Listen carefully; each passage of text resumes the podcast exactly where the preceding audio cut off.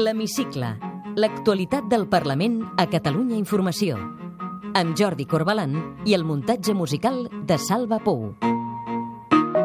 El govern de Catalunya reitera, en el seu conjunt, el seu compromís amb la celebració del referèndum, que ha d'esdevenir l'exercici pràctic d'un dret inalienable, el dret a l'autodeterminació. El govern de Puigdemont i Junqueras es conjura per convocar i fer el referèndum. És el compromís d'unitat de l'executiu de Junts pel Sí en vigília de Sant Jordi després de dies de tensions internes. La setmana que el Parlament, en un acte convocat pels expresidents Benac, Rigol i de Gispert, expressava als representants públics investigats i condemnats pel procés que no caminaran mai sols. Benvinguts a l'Hemicicle. L'Hemicicle. L'actualitat del Parlament a Catalunya Informació. El govern i el Parlament expressen el suport a la presidenta i la mesa en un acte convocat pels expresidents de la cambra. Això no va de grups polítics, d'institucions només, o de compromisos personals, va de tots nosaltres. I per dir-vos, també, presidenta, i a tots els membres de la mesa, que mai no caminareu sols. Estarem a l'alçada del moment històric que vivim. No en tinguin cap dubte. Diputats suïssos visiten el Parlament i ofereixen el seu país com a mediador en el conflicte entre Catalunya i l'estat espanyol. Suïssa està disposada a fer-ho, però cal que les dues parts ho demanin. Catalunya, ja ho sé, estaria interessada en aquest paper, però malauradament actualment Espanya no. Actuellement. El conseller Comín confirma a la Comissió de Salut les negociacions per comprar aquest any l'Hospital General. Se segueix discutint, se segueix treballant sobre la proposta que va fer el Departament de comprar l'Hospital General. I l'hemicicle s'impregna avui de Sant Jordi, llibres i missatge de la presidenta. Molt bona diada de Sant Jordi. Espero que tots i totes la visqueu amb molta il·lusió, amb molt goig, que sortiu al carrer, que la viviu, és la nostra diada, que compreu roses, que compreu llibres i que sigueu molt feliços.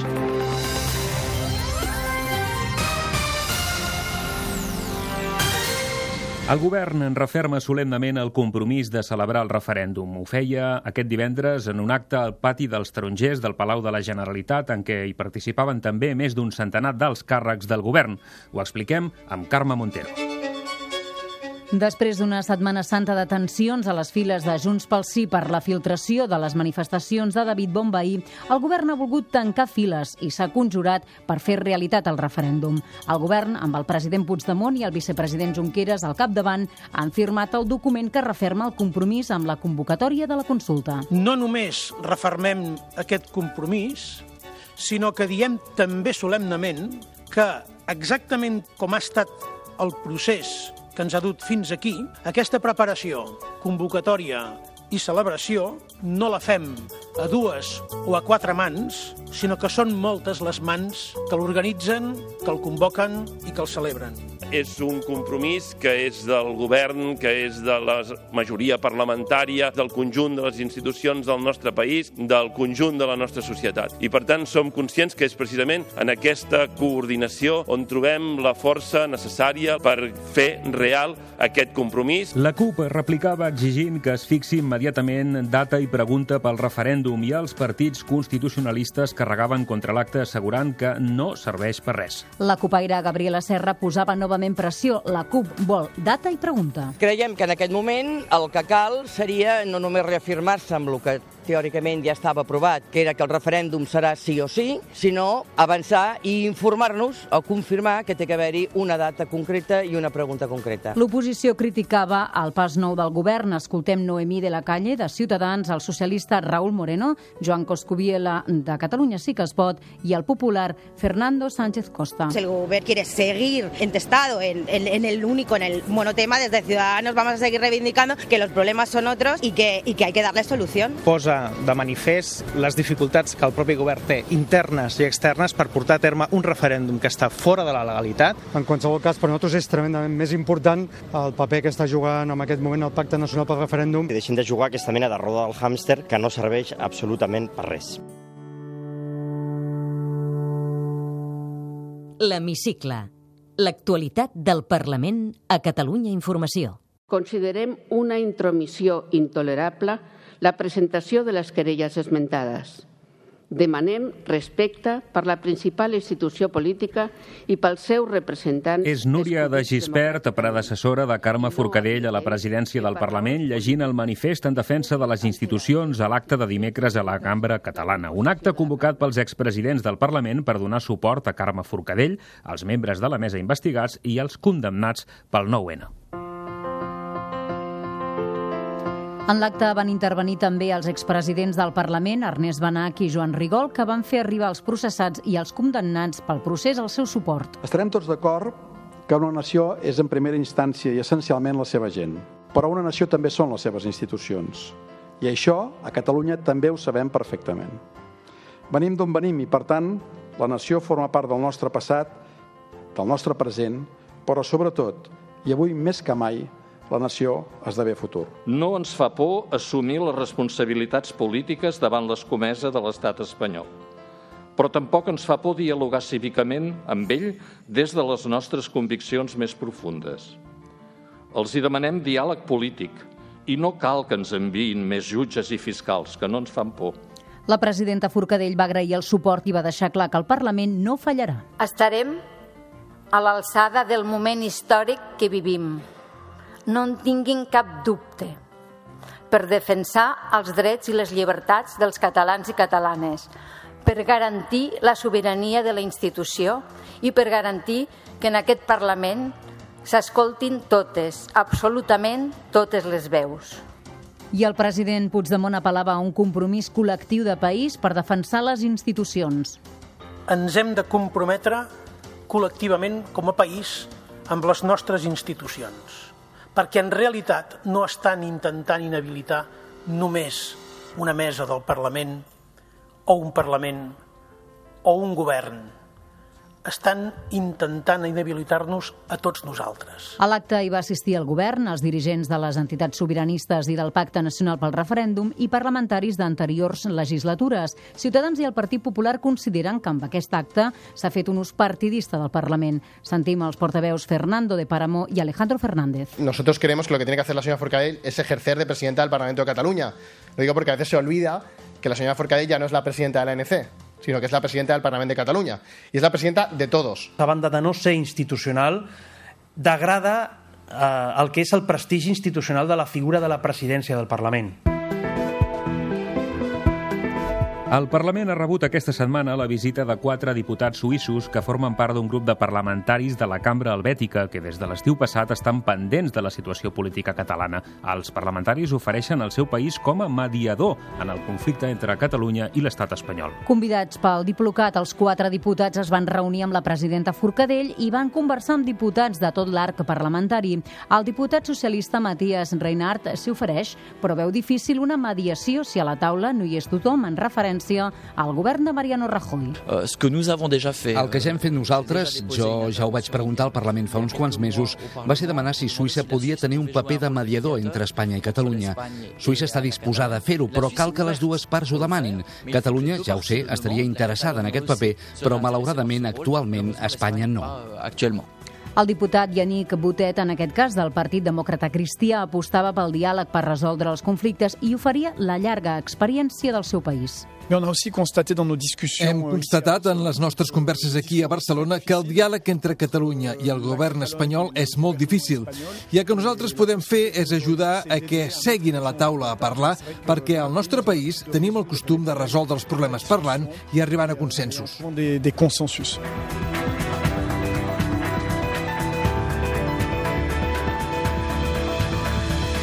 L'Hemicicle L'actualitat del Parlament a Catalunya Informació. Aquest divendres s'ha constituït formalment la Comissió d'Investigació sobre l'Operació Catalunya i també la Comissió sobre els preparatius del govern per a la secessió arran de les manifestacions polèmiques del jutge i exsenador Santi Vidal.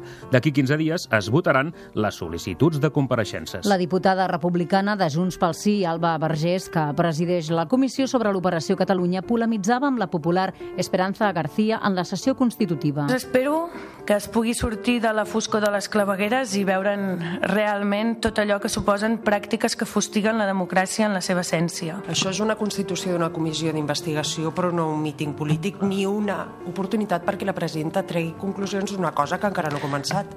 El diputat de Ciutadans, Jean Castel, que presideix la comissió sobre el cas Santi Vidal, fixava l'objectiu dels treballs. Promoure la salvaguarda dels interessos comuns tant dels ciutadans com de la pròpia institució i especialment l'adequació de les actuacions de les institucions públiques. L'activitat d'aquesta setmana al Parlament s'ha centrat en les reunions de comissions. El conseller Toni Comín confirmava aquest dijous davant la Comissió de Salut les negociacions amb el grup hospitalari Quirón per adquirir l'Hospital General de Catalunya. El conseller que compareixia per fer balanç del pla de xoc per reduir les llistes d'espera a la sanitat va confirmar la voluntat del Departament de tancar aquest any un acord per comprar l'Hospital Vallèsà. Se segueix discutint, segueix treballant sobre la proposta que va fer el Departament de comprar l'Hospital General, que per cert, això sí que permetrà reduir els temps d'espera perquè augmentarà les capacitats assistencials al Vallès. A la Comissió de Medi Ambient es va parlar dimecres de les mesures per mitigar la contaminació de l'aire a l'àrea metropolitana de Barcelona. La directora general de Qualitat Ambiental i Canvi Climàtic, Mercè Rius, va anunciar que els vehicles de gasoil quedaran exclosos dels descomptes en els peatges que depenen de la Generalitat d'accés a Barcelona. En aquests moments ja hi ha bonificació en els peatges de la Generalitat d'accés a Barcelona i estem treballant amb un nou decret en el qual quedaran exclosos els vehicles eh, dièsel. Des que va entrar en vigor la llei catalana contra l'homofòbia s'han presentat 53 denúncies, de les quals només una ha acabat en sanció. El secretari d'Igualtat, Oriol Amorós, presentava dimarts a la presidenta Forcadell l'informe de balanç dels dos primers anys d'aplicació d'aquesta llei. Hem començat a fer, sí, en tots els àmbits, en tots els àmbits. Des de totes les institucions, des de totes les institucions. A tot el territori, a tot el territori. Amb resultats? Sí. Tots els que voldríem? No queda un bon camí. El secretari general de l'Esport, Gerard Figueres, compareixia dimecres a la Comissió d'Afers Institucionals per explicar el nou model de governança de l'esport català. Figueres va proposar als grups arribar a un pacte nacional que serveixi de base per a la futura llei de l'esport. Diria que aquest punt de trobada es convertís en forma de pacte nacional per l'activitat física i l'esport. L'hemicicle el Parlament homenatjava dimarts els represaliats republicans per la dictadura franquista amb una ofrena floral al monument als immolats per la llibertat que hi ha al pati de la Biblioteca de la Cambra. A l'acte hi van intervenir el president de l'Associació Promemòria als Immolats per la Llibertat de Catalunya, Pere Fortuny, i la presidenta Carme Forcadell. Tots dos van dipositar una corona de flors al peu de la Pietat, una escultura de pedra, obra de Ferran Ventura. La presidenta Forcadell va garantir que, malgrat que l'Estat continua sent incapaç de fer justícia justícia amb els crims del franquisme, a Catalunya les institucions, les entitats i la ciutadania no desistiran.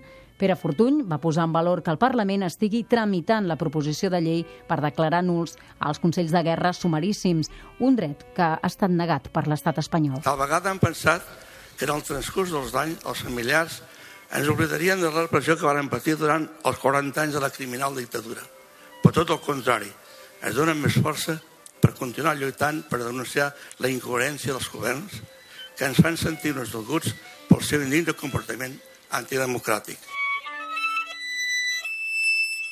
L'hemicicle el Parlament ha celebrat la Diada de Sant Jordi amb la ja tradicional lectura pública que enguany per primera vegada ha sortit al carrer davant la façana del Palau del Parc de la Ciutadella. A motiu de l'any Bertrana, polític, representants del món de les lletres i ciutadans han llegit fragments de Memòries d'Aurora Bertrana. La presidenta Forcadell i el conseller de Cultura Santi Vila obrien la lectura. Vaig néixer al barri del Mercadal de Girona en una de les cases veïnes a l'església parroquial, on vaig ser batejada. Feia exactament nou mesos que els meus pares, Prudenci Bertrana i Neus Salazar, s'hi havien instal·lat en plena lluna de mel. Però jo no havia pensat encara escriure No oblideu que només tenia sis anys. El que va encendre en mi el foc creador i armar la meva mà amb els estris d'escriure va ser un esclat de patriotisme. El vostre pare escriu nosaltres no la compreníem. Les guardàvem com demanant-li explicacions. La mare, a baixar encara més la veu, escriu novel·les.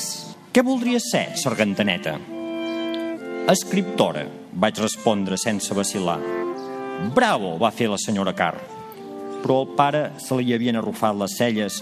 Com a redactor en cap o director de Ciutadania, Prudenci Bertrana complia la seva comesa amb tota l'honradesa necessària. El pare sabia que aquests enemics esperaven a l'ombra una nova ocasió de ferir-lo, i si podia ser amor, millor. Va morir en plena primavera, quan el pla de Girona verdejava d'horitzó a horitzó i les margarides i les roselles clapejaven els camps oberts d'herba tendre i de blat novell. El joveníssim hereu Bertrana havia passat pel món sense fer gens de fressa i així mateix se n'havia anat.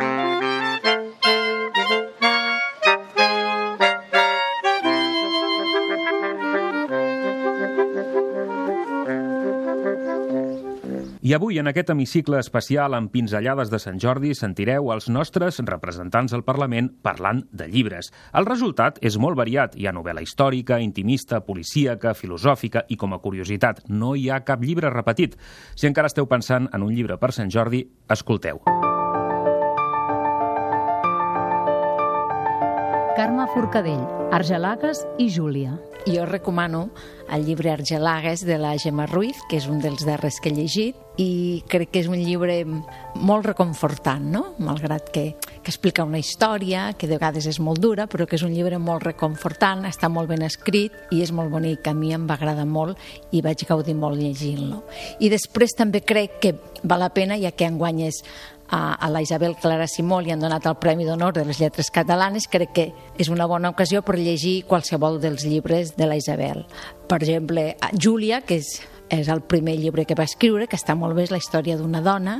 També un altre que té nom de dona, que es diu Raquel, o Augusta Marc, de la cervesa, o la salvatge, és a dir, la, la Isabel escriu molt històries de dones i per tant crec que és un bon moment, un bon any per comprar-ne un llibre de la de l'Isabel Carrasimo i també sempre podeu recosir, recor recórrer al clàssic, no? com per exemple com per mi és el Jaume Cabré també qualsevol llibre del Jaume Cabré crec que, que estaria molt bé Jordi Turull, El càtar proscrit i Rosa de Cendra. Jo els llibres que recomano és El càtar proscrit, d'en Jaume Clotet, i Rosa de Cendra, de la Pilar Rahola. Eh, I el per què? Doncs perquè és història, perquè és la lluita de persones per les seves eh, conviccions en moments doncs, convulsos, en moments eh, intensos i crec molt apropiat pel moment que, que vivim, d'allò de la gent que és molt conseqüent amb les seves idees i que treballa que lluita i a més a més són dues persones que escriuen, eh, que escriuen molt bé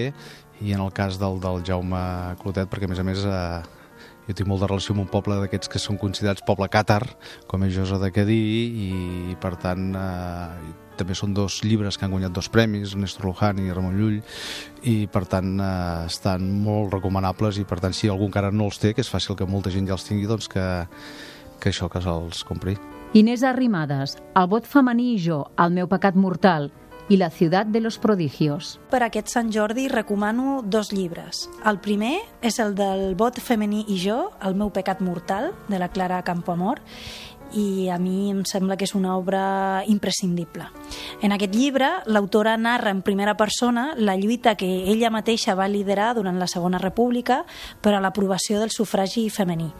Durant molts anys eh, va estar oblidada, però avui Campoamor jo crec que és un exemple de compromís i valentia i un referent indiscutible de la lluita per la igualtat entre homes i dones.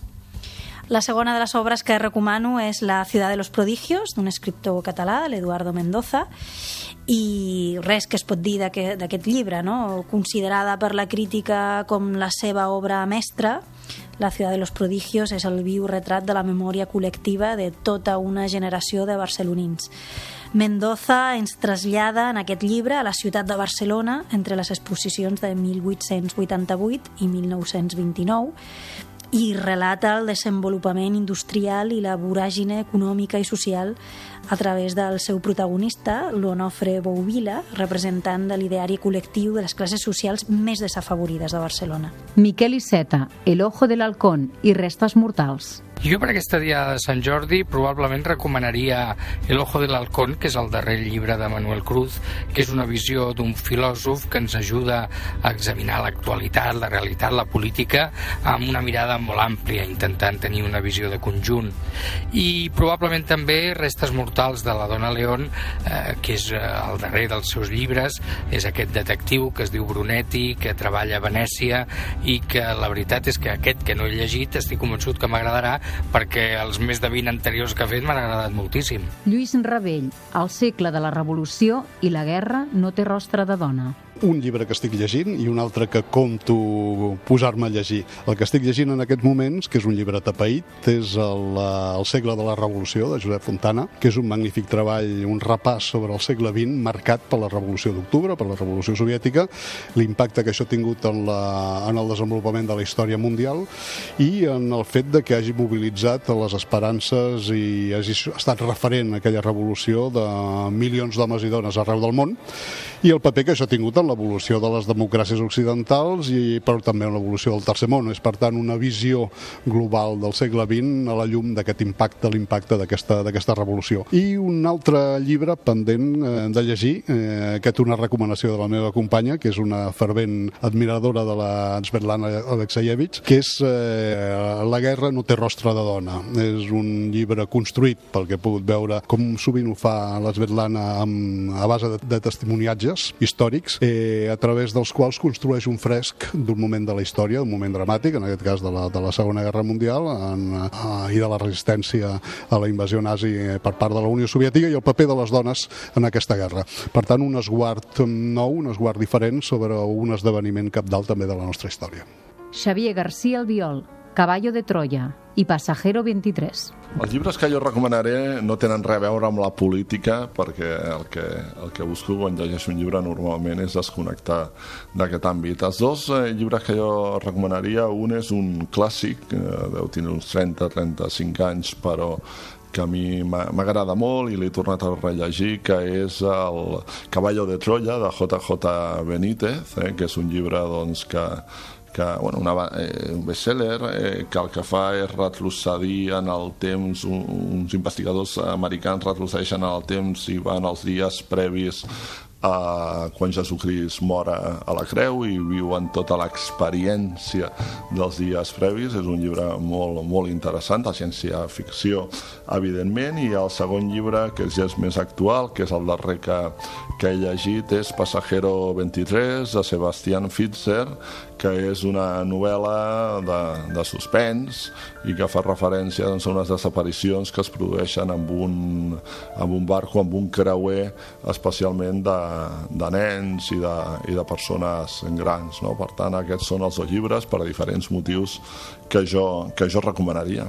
Mireia Boia, el llibre dels finals i la llesqueta del septentrió. Recomano dos llibres. El primer tiraré de la meva vessant eh, occitana, occitanista, és eh, el llibre dels finals de Joan Bodon, no sé si el coneixeu, però és una història molt maca. És un senyor que els darrers dies de la seva vida i té un càncer, se'n va viure allò a l'Occitània profunda.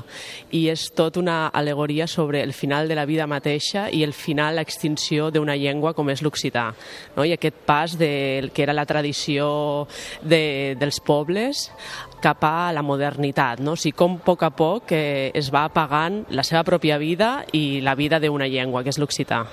El segon llibre que recomano és un de una mica més d'actualitat. És d'una editorial molt petitoneta que es diu Editorial El Jonc i l'autor és l'Aleix Renyer, que és un periodista eh, de la Catalunya Nord, que ha escrit un llibre que es diu La llesqueta del septentrió. Si aquí considerem que el català està eh, amenaçat, doncs ja us podeu imaginar la Catalunya Nord quina és la seva, la seva situació. I és molt divertit veure com eh, un periodista que és catalanoparlant i que viu a Perpinyà, amb tot el que és l'estat francès de persecució de les llengües minoritàries, doncs eh, ell ens relata doncs, justament això, no? quina és la situació del català a la Catalunya Nord. Així fem una mica de països catalans.